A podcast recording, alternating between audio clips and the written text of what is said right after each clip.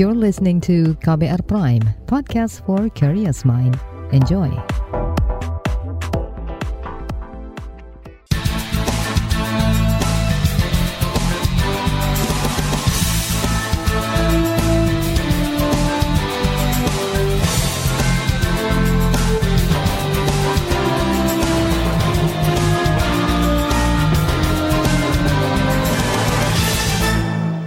Selamat sore saudara, apa kabar Anda sore hari ini? Kembali KBR Sore siap untuk menjadi teman Anda. Dan selama kurang lebih 30 menit saya mau ajak Anda untuk membahas jelang pemilihan umum atau pemilu 2024 nama-nama tokoh mulai berseliweran di bursa calon presiden. Sejumlah lembaga survei juga mulai ikut meneliti elektabilitas masing-masing calon dan kecenderungan publik dalam memilih pemimpin baru. Nama-nama tokoh yang masih menjabat gubernur, wali kota, menteri hingga perwira TNI ikut meramaikan survei elektabilitas calon presiden dan calon wakil presiden.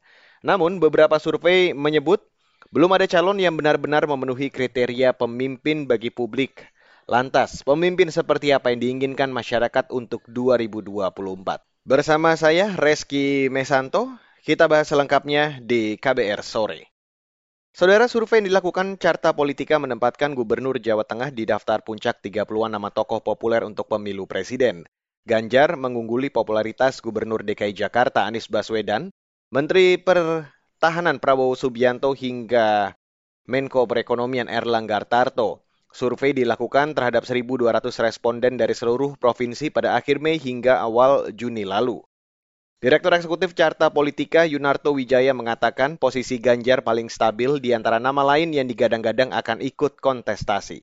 Ketika kita simulasikan tiga nama, Ganjar Pranowo ada di angka 36,5 persen, Pak Prabowo Subianto tetap di peringkat kedua dengan 26,7 persen, dan Anies Baswedan ada di angka 24,9 persen. Jadi gapnya melonjak hampir 10 persen di angka 9,8 persen dan angka tidak tahu tidak jawab di 11,9 persen. Kita coba bedah lebih lanjut nih di simulasi tiga nama calon terkuat ini kemudian apakah ada yang mengalami kenaikan, apakah ada yang tidak. Kalau kita lihat memang hanya Ganjar Pranowo yang mengalami kenaikan dari 33,3 persen dari stagnasi terjadi dari survei bulan Desember ke bulan April dan kemudian naik di angka 36,5 persen pasca Rakernas Projo dan untuk nama dari uh, Prabowo Subianto uh, bisa dikatakan stagnan dari 26,4 menjadi 26,7 bahkan Anies Baswedan sedikit mengalami penurunan dari angka 27,4 ke 24,9 dari peringkat 2 menjadi peringkat 3. Saya tidak bisa menyimpulkan apakah ini hanya disebabkan oleh Rakernas Projo tapi bisa dibuat sebuah hipotesa kalau dalam waktu yang bersamaan memang salah satu momen yang berpengaruh besar dan memberitakan terkait dengan pencapresan Ganjar dan pertama kalinya Presiden Jokowi berbicara mengenai 2024 dan ditafsirkan oleh sebagian pihak adalah dukungan kepada Ganjar Pranowo walaupun secara implisit saya pikir uh, ternyata berkorelasi linear dengan naiknya elektabilitas Ganjar baik pada simulasi 10 nama dan simulasi 3 nama pada momen yang sama.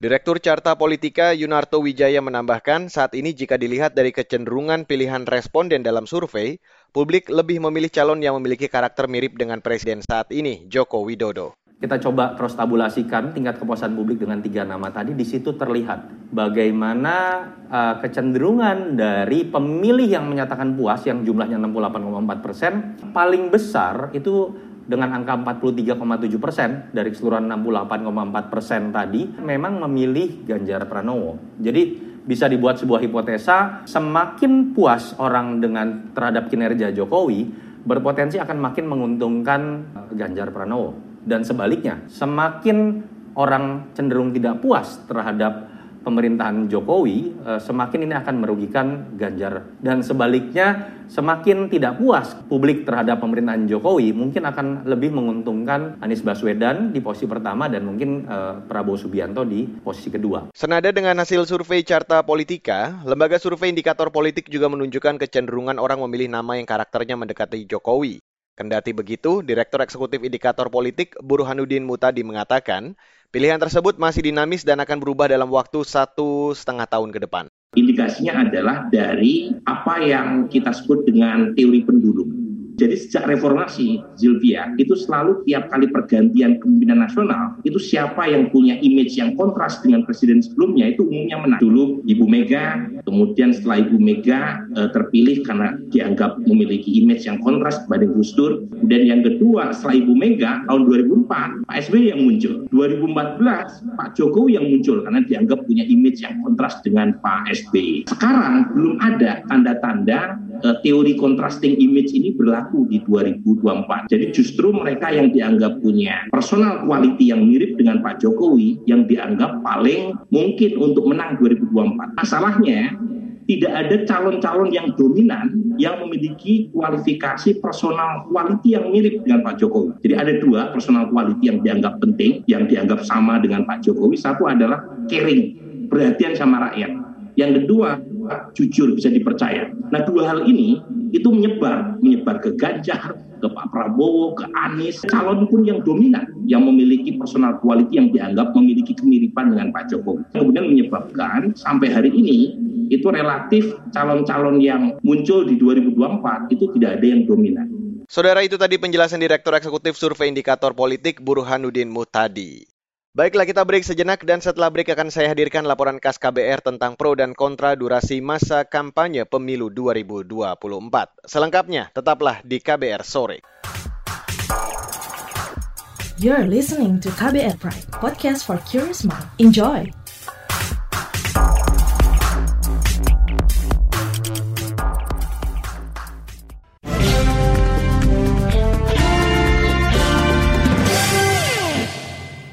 Saudara, durasi masa kampanye pemilihan umum atau pemilu 2024 sudah disepakati selama 75 hari.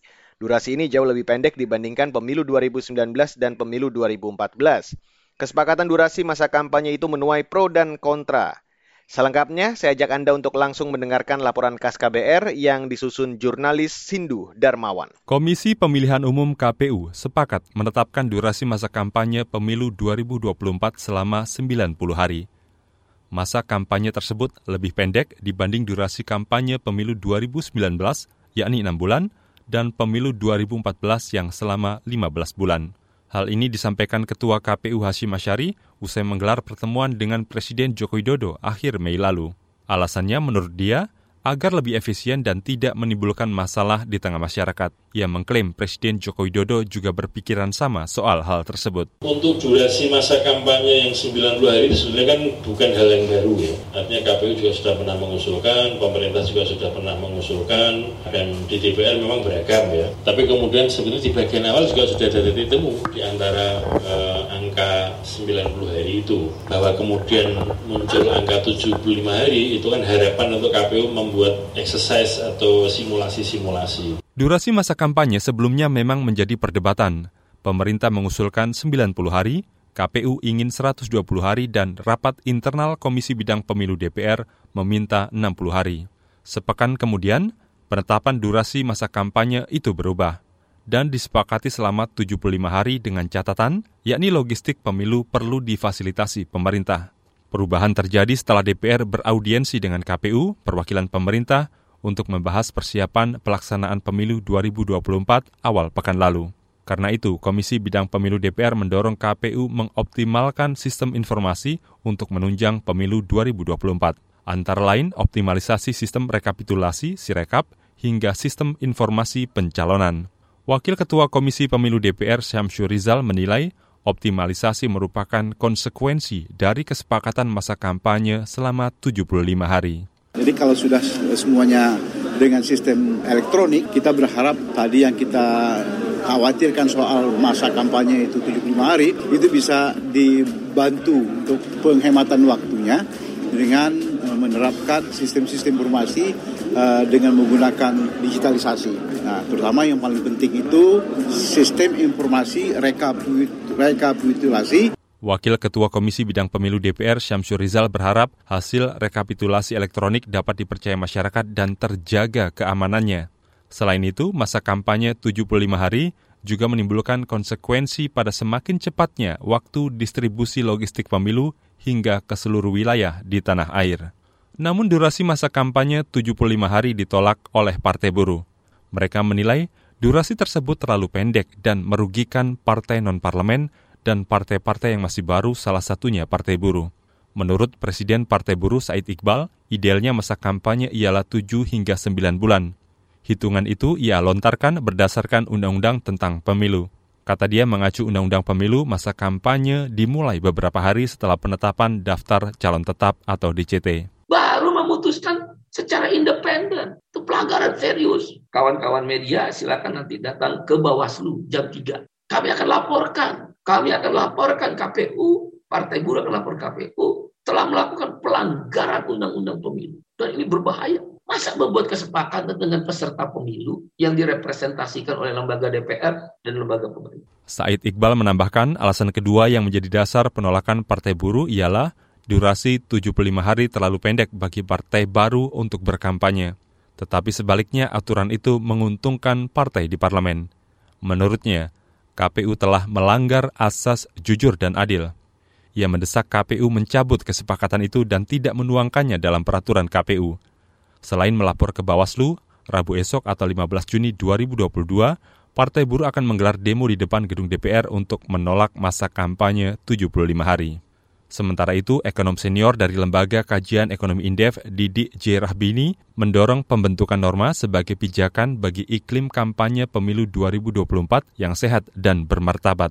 Alasannya, kata dia, saat ini ruang publik dijejali fenomena kampanye jahat yang rentan saling menjatuhkan seperti pada gelaran pemilu 2014 dan 2019. Kalau dibiarkan begini itu rusak, makin lama makin rusak. Itulah yang disebut tragedy of the common. Ya. Jadi common publik, common resource, resource publik itu hilang rusak. Ini diambil dari teori ekonomi politik lingkungan hidup. Ya karena itu harus ada cara untuk menyelesaikan masalah ini. Ya, ya mungkin kerusakan 20-30 tahun mendatang kalau tidak kalau dibiarkan. Kalau tidak, kalau uh, ingin bagus ya harus di, uh, di, dibikin normal. Ya misalnya hate speech Rektor Universitas Paramadina ini menegaskan kampanye pemilu harus tetap memerhatikan tatanan sosial dan norma-norma yang berlaku.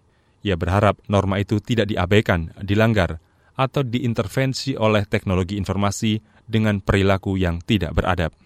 Pemilu presiden dan legislatif akan digelar 14 Februari 2024. Sedangkan pemilihan kepala daerah pilkada rencananya digelar Rabu 27 November 2024. Tahapan pemilu akan dimulai 14 Juni 2022 atau pada pekan ini. Demikian laporan khas KBR yang disusun dan dibacakan Sindu Darmawan. Saudara, partai-partai politik saat ini tengah menjaring nama-nama yang akan diusung pada 2024 sebagai calon presiden atau wakilnya. Lantas, apa saja kriteria yang harus dimiliki kandidat? Selengkapnya sesaat lagi. You're listening to KBR Pride, podcast for curious mind. Enjoy!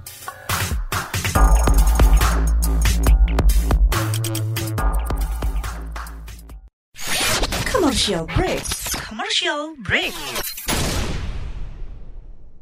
Warga negara Indonesia yang pernah bergabung dengan ISIS ada yang menyatakan ingin kembali atau balik ke Indonesia. Ada beberapa wartawan juga yang mempertanyakan sebetulnya kepulangan mereka itu ada payung hukumnya.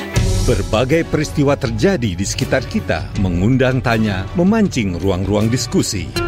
Ruang Publik membahas berbagai peristiwa yang hangat diperbincangkan publik, menghadirkan narasumber kompeten, membuka perspektif, dan mendorong hadirnya solusi dan narasi baru. Kalau ada keluarga kita yang punya urusan dengan aparat seperti jual beli mobil, lalu terjadi seperti pemaksaan, itu bisa hmm. dilaporkan ke polisi juga nggak ya? Ruang Publik KBR hadir Senin hingga Jumat pukul 9 waktu Indonesia Barat. Perbincangan ini juga hadir dalam bentuk podcast di kbrprime.id. Mari berdiskusi di ruang publik melalui saluran bebas pulsa 0800 140 3131. Ruang Publik KBR, salurkan aspirasi Anda. KBR Inspiratif Terpercaya.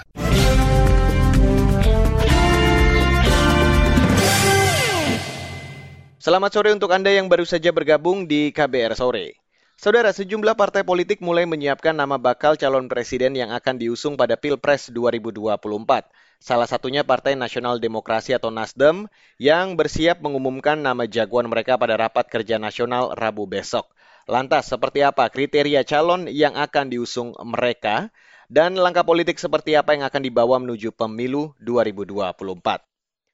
Untuk lebih jelasnya, saya ajak Anda untuk langsung mendengarkan perbincangan jurnalis KBR Heru Haitami bersama Ketua DPP Nasdem, Willy Aditya. Pada Rakernas nanti Partai Nasdem akan membawa tema restorasi meneguhkan politik kebangsaan. Nah, sebetulnya apa yang ingin dibawa oleh Partai Nasdem untuk perubahan politik di Indonesia, utamanya menjelang Pilpres dan Pemilu 2024 nanti? Meneguhkan politik kebangsaan itu adalah cerminan dari kondisi kita hari ini yang terjebak dengan politik identitas yang ekstrim ya. Tentu yang kedua politik hanya politik kekuasaan semata-mata. Jadi kita tentu meletakkan politik kebangsaan itu sebagai common commitment ya, komitmen bersama di mana pemilu itu hanya sekali lima tahun. Setelah itu bagaimana ada pekerjaan kolektif, entah itu partai politik, entah itu kelompok sipil, entah itu siapa pun, bagaimana secara bersama-sama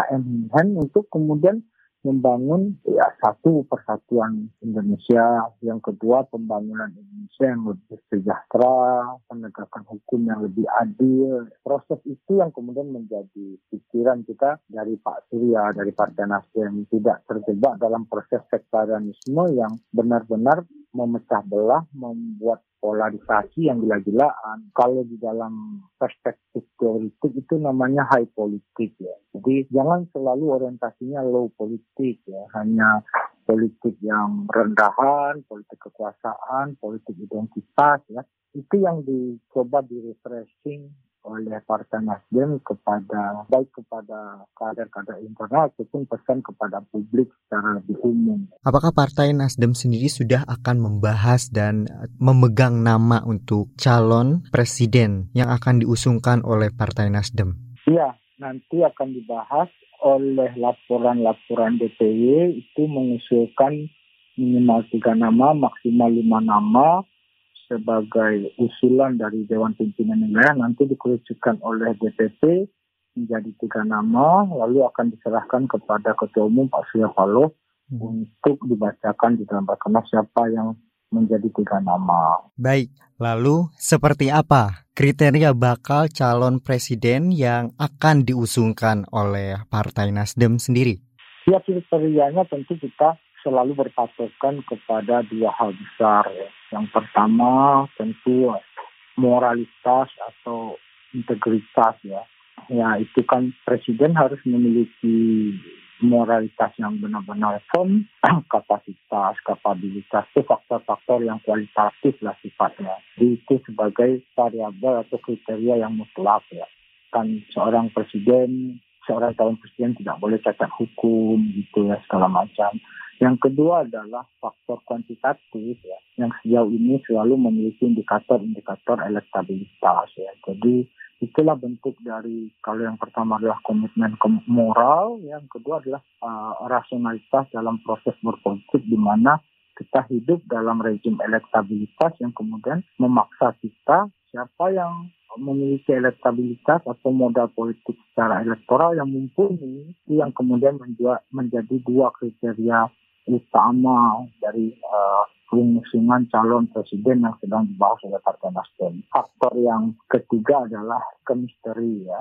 Itu juga menjadi sebuah catatan siapa yang kemudian bisa membangun komunikasi politik yang cair dengan partai-partai pengusung nantinya. Jadi Nasdem lebih memilih pen apa ya titik tekannya itu kita tentukan dulu siapa calon presiden baru kemudian kita bangun koalisi itu yang kemudian menjadi catatan penting dari Partai Nasdem. Saudara itu tadi wawancara jurnalis KBR Heru Hitami bersama Ketua DPP Nasdem Willy Aditya.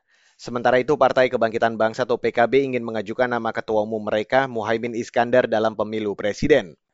Dalam pemilu presiden 2024, hampir semua partai bakal berkoalisi. Mengingat aturan saat ini masih mensyaratkan ambang batas perolehan kursi di parlemen sebanyak 20% persen bagi partai yang ingin mengajukan calon presiden dan wakil presiden sendiri.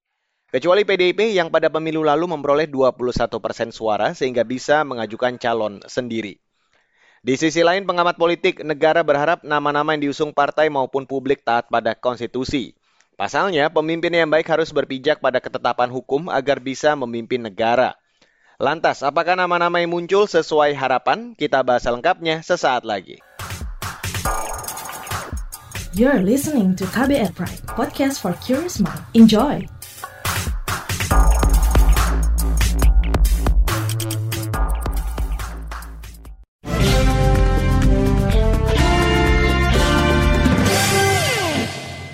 Dan inilah bagian akhir dari KBR Sore. Saudara Direktur Pusako Universitas Andalas Padang Ferry Amsari meminta para calon presiden dan calon wakil presiden taat dan patuh pada konstitusi. Menurutnya, kandidat yang cocok diusung oleh partai untuk menjadi capres dan wapres juga harus siap selalu membuka ruang partisipasi publik serta kritik pada kebijakan yang nanti dibuatnya. Sayang, aturan yang ada saat ini membatasi publik dalam memilih capres dan cawapres di mana peluang munculnya figur atau kandidat baru untuk menjadi capres dan cawapres tahun 2024 sangat kecil. Berikut saya hadirkan perbincangan jurnalis KBR Siti Sadida dengan Direktur Pusako Universitas Andalas Padang, Ferry Amsari. Tahapan pemilu kan sudah dimulai gitu ya Pak ya. Nanti di tahun 2024 mungkin boleh gambaran dari Bapak, kira-kira Indonesia butuh pemimpin yang seperti apa sih Pak? Pertama, pemimpin yang patuh dan taat kepada kehendak konstitusi ya. Dengan begitu pemimpin itu akan memenuhi harapan publik tidak hanya para pemiliknya tetapi seluruh warga negara Indonesia. Bisa dilihat dari rekam jejaknya ya, apakah selama ini dia betul-betul mematuhi konsep pembagian cabang-cabang kekuasaan, tidak dominan di dalam ruang-ruang politik, tapi betul-betul menjalankannya secara tertib. Dan itu bisa dilihat dari calon-calon yang tentu sudah memiliki jejak karir atau pengalaman mengisi ruang-ruang kekuasaan pemerintahan maupun terlibat di dalam politik praktis sebagai pengurus partai. Kedua, tentu saja figur yang betul-betul menjunjung hak asasi manusia yang uh, betul-betul berjuang uh, untuk uh, memastikan kepentingan atau hak-hak warga negara terpenuhi dengan berbagai kebijakan atau tindakan politik yang dia telah lakukan. Yang ketiga, membuka ruang partisipasi publik, termasuk juga membuka ruang untuk mengkritik kebijakan dan tindakan yang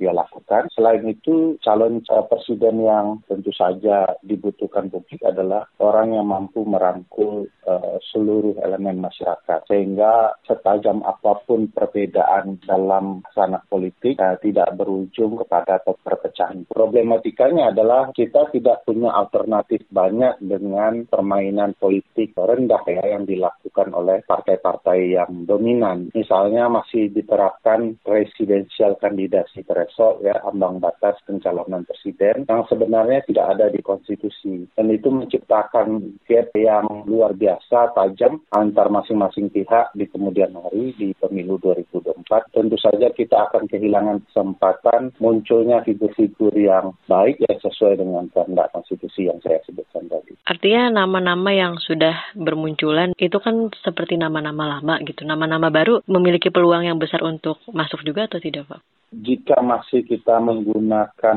politik yang bertentangan dengan keinginan pasal 6A ayat 2 Undang-Undang Dasar 1945, saya pikir memang jumlah calon presiden akan mengerucut didominasi nama yang lama. Padahal pemilih sudah berpikir untuk nama-nama baru, orang-orang figur alternatif yang baik untuk Indonesia di masa depan. Di mana saja sistem presidensial itu membuka ruang kepada banyak calon, tidak pernah kemudian hanya dua calon calon. Calon-calon presiden alternatif itu menunjukkan bahwa rakyat bebas menentukan pilihannya. Kan kemudian dikooptasi dengan mencoba merekayasa hanya dua calon presiden. Nah mudah-mudahan ya nama-nama baru bisa muncul kesadaran publik luas untuk mendesak bahwa mereka punya hak untuk mendapatkan calon alternatif, calon-calon pembaharu yang kemudian tentu saja juga akan memperbaiki secara tidak langsung sistem perpolitikan kita dan kesempatan uh, publik untuk menentukan pimpin, pimpinan mereka di masa depan. Terkait nama-nama yang memang sudah muncul dirilis gitu oleh lembaga survei, apakah menurut Bapak mereka memenuhi kriteria sebagai pemimpin yang dibutuhkan Indonesia saat ini, Pak? Tentu saja lembaga survei sudah punya list pimpinan sendiri. Di antaranya tentu saja ada nama-nama yang mungkin bisa memberikan nuansa yang terbarukan. Tetapi harus disadari bahwa sistem politik kita itu mencoba memukul calon alternatif ini agar kemudian tidak punya perahu untuk bisa berjalan di pemilu 2024. Di sini masalahnya. Bukan kita tidak punya list nama-nama yang bagus, nama-nama baik yang sebagaimana disebut di survei, tetapi secara prinsip mereka akan uh, punya ruang untuk kemudian uh, diabaikan oleh partai politik sehingga uh, mereka tidak bisa kemudian ikut berkompetisi sebagaimana layaknya dibuka oleh Undang-Undang Dasar. Misalnya ada pasal yang mengatakan setiap orang punya hak untuk berpartisipasi dalam pemerintahan. Bagaimana hak itu bisa diberikan kalau kemudian penentuan calon presiden itu terlalu dominan kepada partai-partai mayoritas, ketentuan konstitusi soal syarat pencalonan yang kemudian tidak memberikan batasan agar seseorang bisa maju menjadi calon presiden. Memang ada nama-nama menurut saya menarik, tetapi harus diakui mereka bukan tidak mungkin akan terjebak kepada tidak adanya perahu yang mereka bisa jalankan di pemilu presiden 2024 nanti. Saudara itu tadi petikan wawancara jurnalis KBR Siti Sadida dengan Direktur Pusako Universitas Andalas Padang Ferry Amsari. Dan perbincangan ini juga sekaligus menutup KBR sore untuk hari ini, edisi 14 Juni 2022. Terima kasih untuk Anda yang sudah bergabung sore hari ini. Selamat kembali menjalankan aktivitas Anda dan ingat selalu patuhi protokol kesehatan. Saya Reski Mesanto undur diri. Salam.